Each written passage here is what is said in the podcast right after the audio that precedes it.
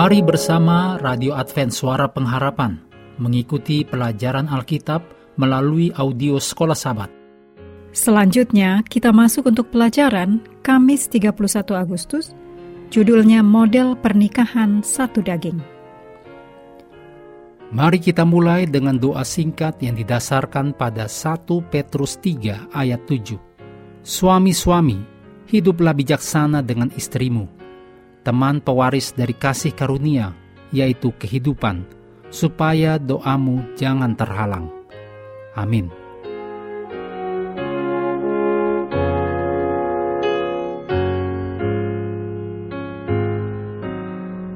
Kisah penciptaan dalam Kejadian 2 ayat 15 sampai 25 merupakan rangkaian peristiwa sebelum dinyatakan suami dan istri menjadi satu daging di ayat ke-24. Dituliskan, sebab itu seorang laki-laki akan meninggalkan ayahnya dan ibunya dan bersatu dengan istrinya, sehingga keduanya menjadi satu daging. Kunci untuk menerapkan nasihat Paulus kepada istri dan suami adalah dengan melihat sumber asli di kejadian 2 ayat 24, juga dalam Efesus 5 ayat 31 sebagai puncaknya. Saat Paulus merenungkan kisah penciptaan kejadian, Paulus memikirkan kebutuhan jemaat Kristen dan hubungan keluarga yang sehat di dalamnya. Paulus mendengar dalam kejadian 2 ayat 24 sebuah pesan yang bergema sepanjang waktu. Dengan rancangan ilahi, pernikahan dimaksudkan untuk menjadi hubungan satu daging dengan kesatuan seksual yang tercermin dalam kesatuan emosional dan spiritual dan kesatuan emosional dan spiritual membawa makna pada hubungan seksual. Perhatikan bahwa dalam memilih kejadian 2 ayat 24, Paulus memilih pernyataan tentang pernikahan yang dibuat sebelum kejatuhan dan menerapkannya pada hubungan antara suami dan istri Kristen. Di dunia kita setelah kejatuhan, Eksploitasi yang merajalela dari hubungan seksual antara seorang pria dan seorang wanita mengungkapkan betapa mengakarnya dalam budaya modern bahwa ide persatuan seksual menunjuk pada penaklukan wanita.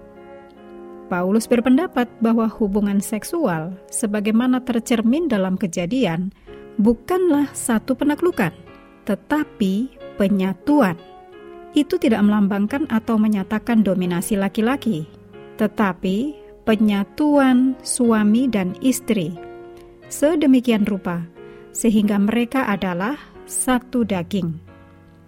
Maka kita dapat melihat baik dalam Efesus 5 ayat 21 sampai 33 maupun dalam Kejadian 2 ayat 24 sebuah teologi pernikahan dan seksualitas yang penting yang berlawanan dengan budaya namun dirancang untuk memperbaiki atau menangkal sesuatu yang berbahaya dan tidak diinginkan.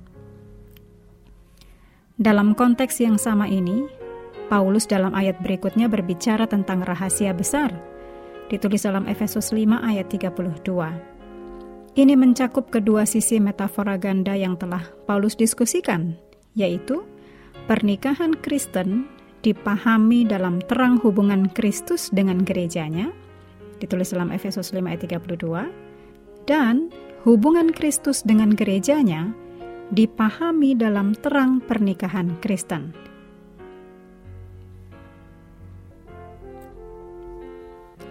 Pernikahan Kristen ditinggikan dengan cara menyamakannya dengan hubungan antara Kristus dan gereja. Selain itu, dengan memikirkan hubungan gereja dan Kristus melalui lensa pernikahan Kristen yang penuh perhatian, umat percaya mendapatkan kejelasan baru tentang hubungan mereka dengan Kristus.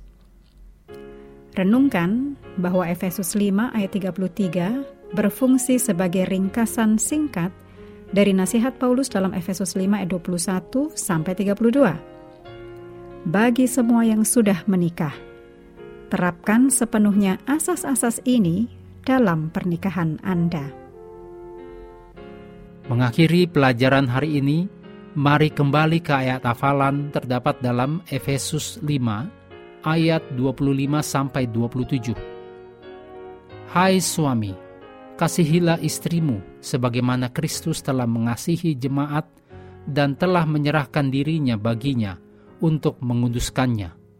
Sesudah ia menyucikannya dengan memandikannya dengan air dan firman, supaya dengan demikian ia menempatkan jemaat di hadapan dirinya dengan cemerlang, tanpa cacat atau kerut, atau yang serupa itu, tetapi supaya jemaat kudus dan tidak bercelah. Kami terus mendorong Anda bersekutu dengan Tuhan setiap hari, bersama dengan seluruh anggota keluarga, baik melalui renungan harian, pelajaran sekolah sabat, dan bacaan Alkitab sedunia, percayalah kepada nabi-nabinya, yang untuk hari ini melanjutkan dari Mazmur 117. Tuhan memberkati kita semua.